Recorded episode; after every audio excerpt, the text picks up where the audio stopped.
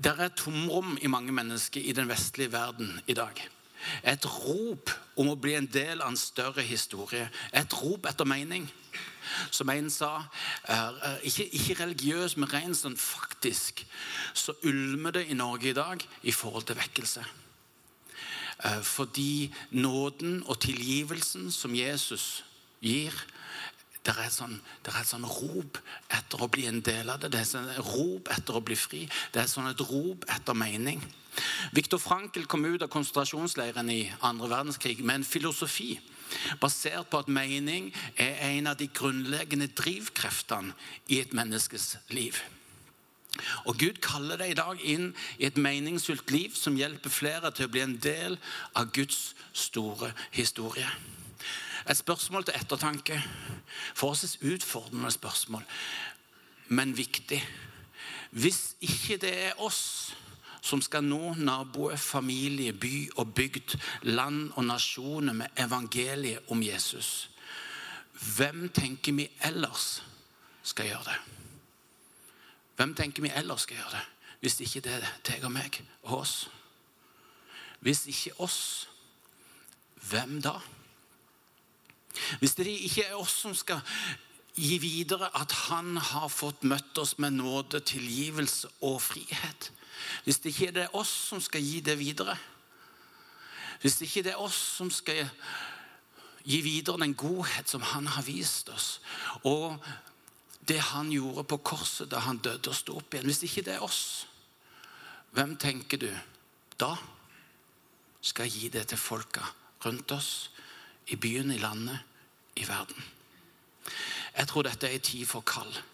Jeg hører fra en ungdomsgenerasjon at uh, det er all in som gjelder. Hele pakka, hele Jesus. Um, der, er en, der er en ny bevegelse i landet vårt Der er en tid for kall. Og Jeg tror Gud kommer til å kalle oss inn til ulike ting lokalt, nasjonalt og globalt. Paulus prøvde å reise til det som er vår tids nordvestlige kirke. Igjen og igjen, som sangen lyder. Igjen, igjen, igjen, igjen, igjen. igjen. Og så sa Helligånd nå, stopp. Stopp. Igjen og igjen prøvde de. Helligånd sa stopp. Da han hvilte, så talte Gud i en drøm. Og en mann fra Europa sa, 'Kom, kom over og hjelp oss'. Og Der begynte det som etter hvert skulle prege hele verdensdelen vår. Og For 1000 år siden i år, i 1024, så hadde troen på Jesus fått såpass fotfeste i Norge at tinget på Moster vedtok det som heter kristenretten. Og Her gis landet lover som beskytter folk mer og mer. Og det gis retningslinjer for hvordan kristen tro skulle bli en del av folks hverdag. Det ble en betydelig samfunnsendring og regnes som begynnelsen på rettsstaten Norge. Og det skal feires i år. I sentrum av tinget på Moster sto kong Olav Haraldsson og biskop Grimkjell. Og Jeg kjenner jeg blir så oppmuntra av at Gud kan bruke et lite sted til nasjonal omveltning. De fleste av dere uten hjelp av Google Maps klarer ikke å putte fingeren på hvor moster er på kartet.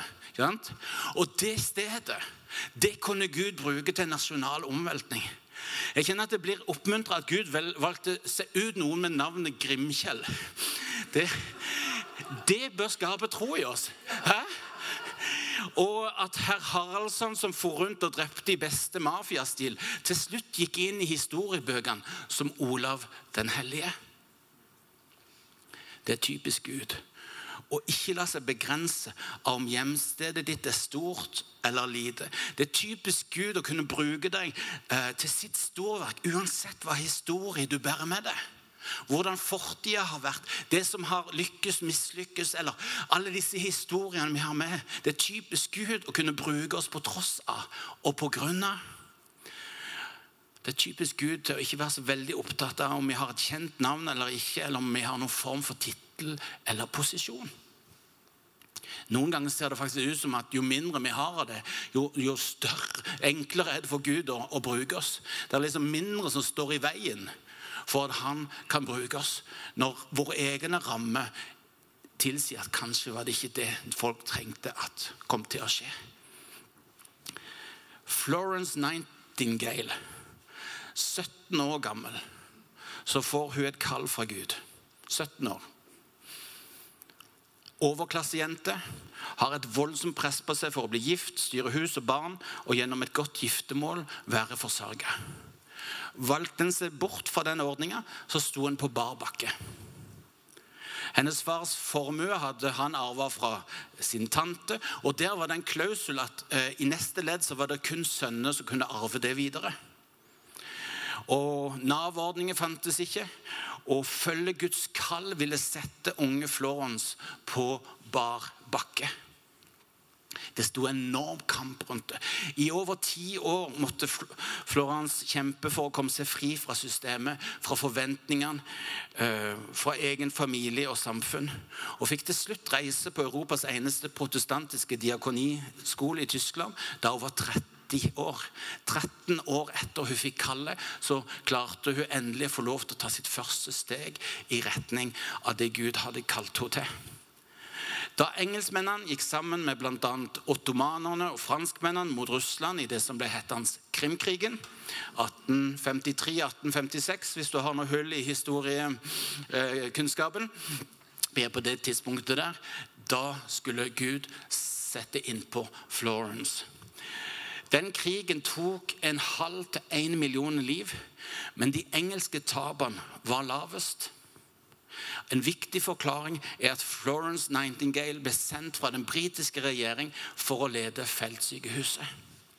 I en tid uten effektive medisiner og med begrenset medisinsk innsikt så leda hun et kilometer langt feltsykehus rett utenfor dagens Istanbul. Hold deg fast. Dødeligheten etter at hun tok over Dødeligheten på det engelske feltsykehuset gikk ned fra 42% til 2 42% til 2% Hennes innsats, tenkning og publikasjoner førte i tillegg til opprettelsen av det som eh, ble den moderne sykepleien. Det begynte med et kall fra Gud da hun var 17. Utrolig interessant. Det er en NRK-podkast som heter 'Historiske kjendiser', som, som, forteller historien hennes. og Det er utrolig interessant å høre hvor mye tid NRK bruker på å forklare hennes liv ut fra det kall som hun fikk fra Gud. Hør det gjerne.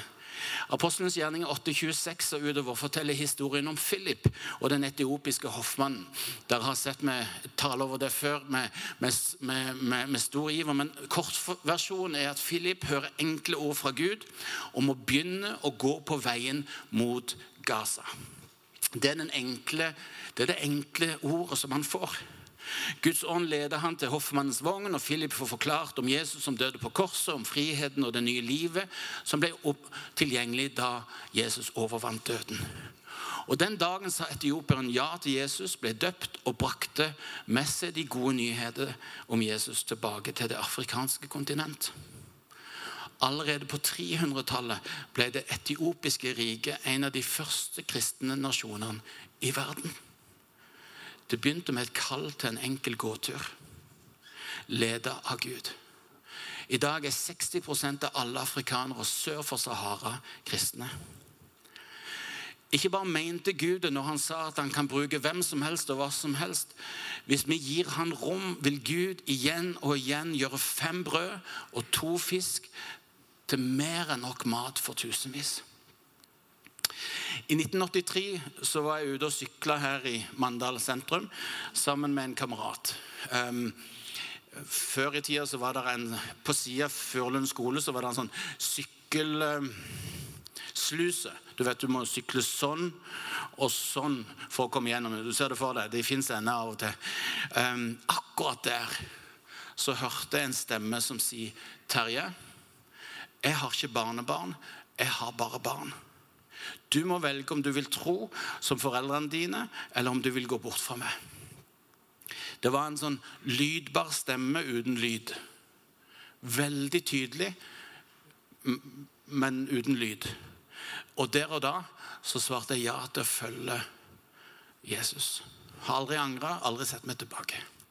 Jeg måtte tilbake og liksom feire det stedet. Og nå har de bygd et monument der. Det, det, det, det står et hus akkurat der nå.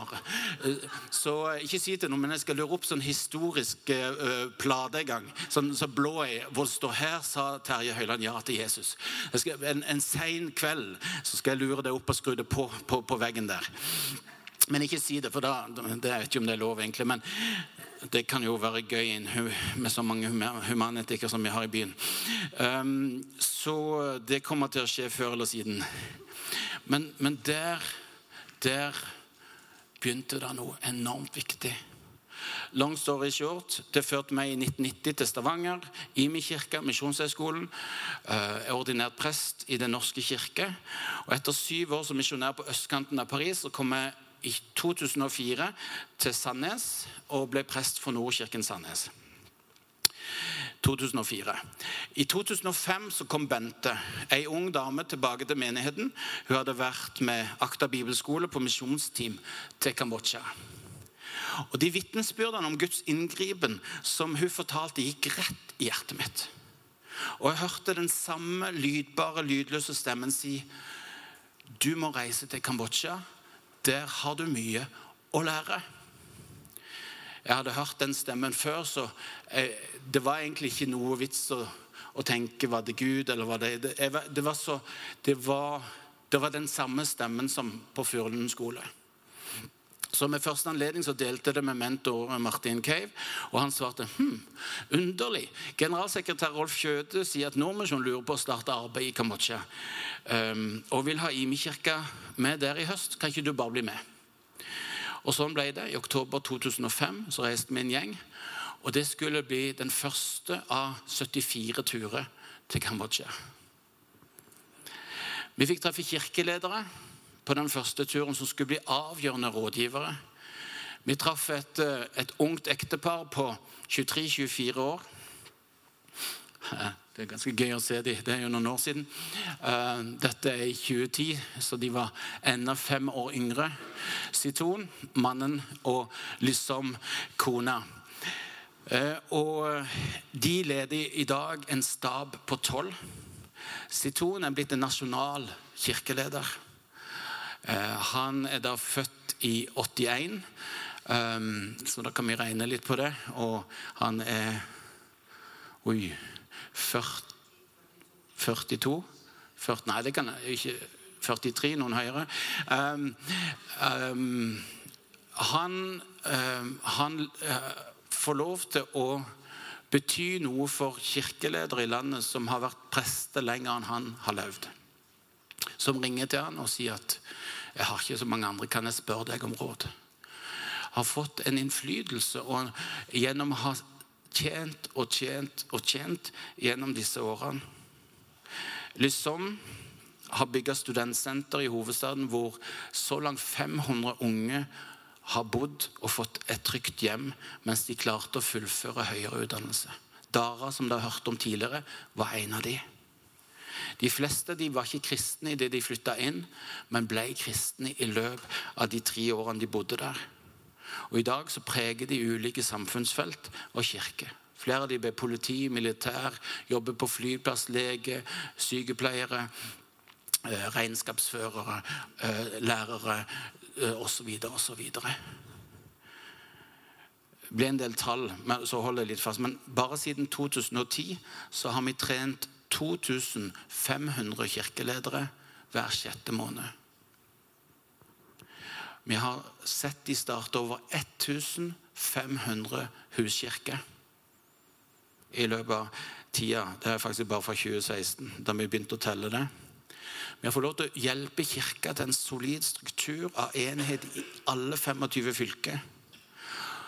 Og eh, vi har fått sett de lede over 140 000 nye til tro i løpet av denne tida. 140 000. Det, det er mye. Hvorfor forteller jeg det? Fordi jeg for min del hadde knapt nok fem brød og to fisk. For mellom kallet i 2005 og neste tur i 2010 så hadde jeg mista to foreldre, blitt skilt fra kona og blitt sagt opp fra jobben. Det var utgangspunktet. Og det gjør inntrykk på meg nå å tenke på at Gud visste jo at alt det der skulle jeg gjennom. Da han kalte meg. På en eller annen rar måte så visste han hva han gjorde. Og jeg tror det handler om han, og ikke om meg og deg, når han kaller oss.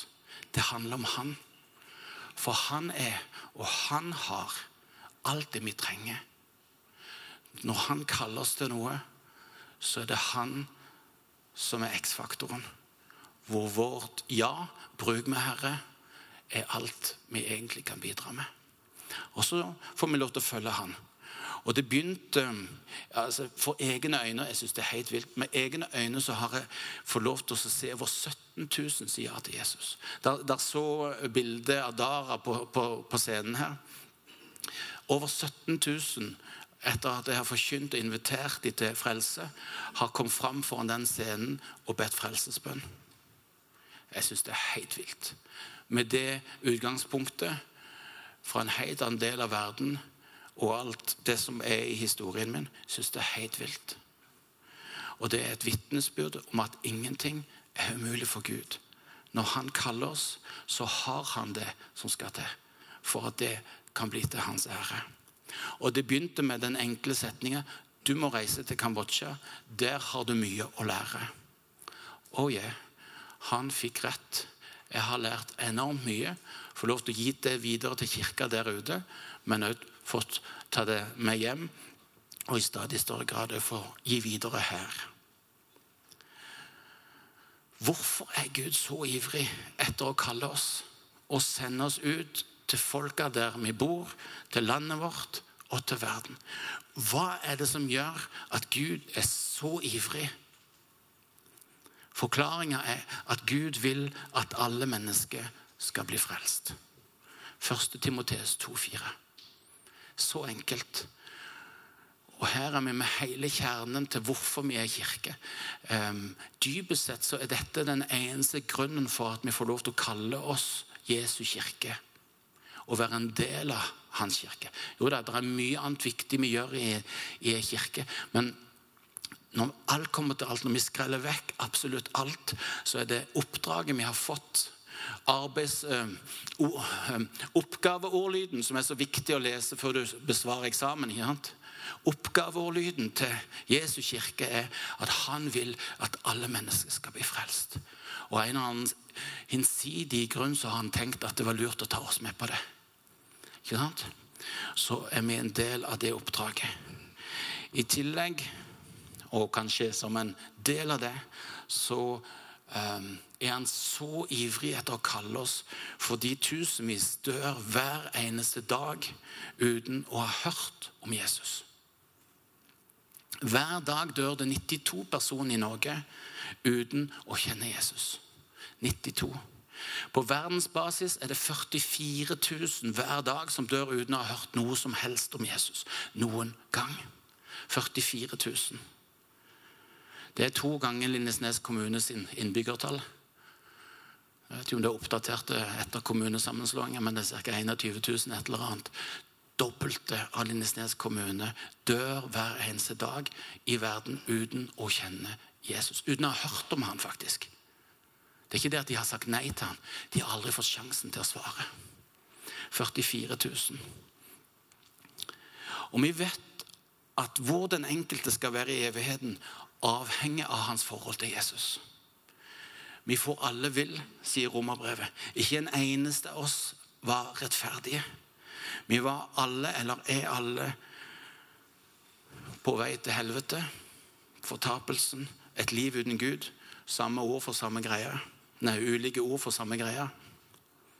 Hvis vi ikke har sagt ja til Jesus. Det, det er alvoret. Det er tydeligheten. Det er det vi vet å, å, forholde oss til. Kun når vi bekjenner våre synder, så tilgir Gud oss og renser oss for all urett, som lova i 1. Johannes 1, 9. Og om ikke lenge så skal vi inn i nattvær sammen. Som blir det stedet hvor du får lov til å smake, kjenne, ta på, uh, lukte hans tilgivelse. For noen ganger så blir vi usikre på er jeg virkelig tilgitt. Og så nattværen er så genial. Og for du som har kommet deg bort fra Jesus og kjenner jeg må, jeg må, jeg må tilbake. Eller som aldri har sagt ja til han. Nattværen er et sånn fantastisk sted å ta imot hans tilgivelse. Ta imot uh, han og si 'Jeg vil tro på deg. Jeg vil følge deg, Jesus'. Det skal vi inn i om ikke så lenge. 44 000 er det samme som 88 jumbojets. Som går i bakken fullasta med folk hver eneste dag med folk som aldri har hørt om Jesus. 88 jumbojets går i bakken hver dag. Og alle dør uten å kjenne Jesus. Bom. Bom. Bom. Bom. Bom. 88 ganger hver dag. I verden i dag. Uten å ha hørt om Jesus i det hele tatt. I historien om den lille gutten med nistepakke så blir spørsmålet hva har du i dine hender? Selv fem brød og to fisk er mer enn nok når vi overgir det til Jesus. Hva er ditt kall? På hvilken måte skal du være med på å fullføre det oppdraget som Gud har gitt sin kirke? Når Gud vet å bruke Grimkjell, Moster, Vigeland, Florence, en skadeskutt Terje, fem brød og to fisker Hva skal du være med på i den tida som ligger foran? Hva er, hva er det Gud inviterer deg inn til? Hva er det det kall som du har fått, eller som han vil gi? For noen vil det være snakk om å fornye det kallet, forsterke det kallet. For andre så er det en tid til å få et nytt kall, eller til å få kall for første gang på lenge. Hva skal du få være med på i den tida som ligger foran? Etter at Jesajas hadde fått fjerna sin synd, da hørtes Herrens røst som sa, Hvem skal jeg sende? Hvem vil gå for oss? Jesaja 6,8. Og han svarte, Herre, Herre, send meg. Vi skal bruke litt tid til å respondere nå. Først med å hvile i Guds nærvær og bare gi Han rom og gi Han mulighet til å tale inn i våre liv. Til å gi oss kall, til å fornye og forsterke kall. Om eh, nesten et helt kvarter så, så, kommer, eh, kommer, ungene inn, og så skal vi fortsette respons inn i nattvær. Inn i forbund, inn i tilbedelse og lovsang. Og um, en, en nydelig måte å gjøre gudstjeneste på det som der begynner nå. Hvor vi skal få lov til å respondere på det vi har hørt, og det som han gjør. Men la oss begynne med å rett og slett bare gi han rom. Si her, Herre, her er. Send meg. La meg skjønne til hvem jeg er sendt. Det kan være i business, det kan være i yrke av ulik art. Det kan være misjonær, det kan være i hverdagen og på fritida. Det kan være lokalt, det kan være nasjonalt, og det kan være internasjonalt. Herre, Herre, tal. Få på litt uh, musikk, hvis vi, og så hviler vi bare. Og så lar vi Han som er alt det du trenger, Han som har alt det du trenger, Han som kan bruke folk som heter Grimkjell så lar vi Han få lov til å tale og gi oss av sin retning inn i den neste sesongen. Kjære Jesus, takk for at du er her. Takk for at du har tilgitt oss. Takk for at du har vist oss nåde. Takk for at du er og du har alt det vi trenger. Og takk for at det er du som vil ha oss med på det du gjør. Herre, vis oss hva det er. Vis oss hvordan den enkelte av oss kan være en del av å se stadig flere få komme inn i denne friheten, denne tilgivelsen, denne kjærligheten. Dette nye livet som du er, og som du gir. Herre, nå i stillheten, så tal til oss. Vis oss, berør oss.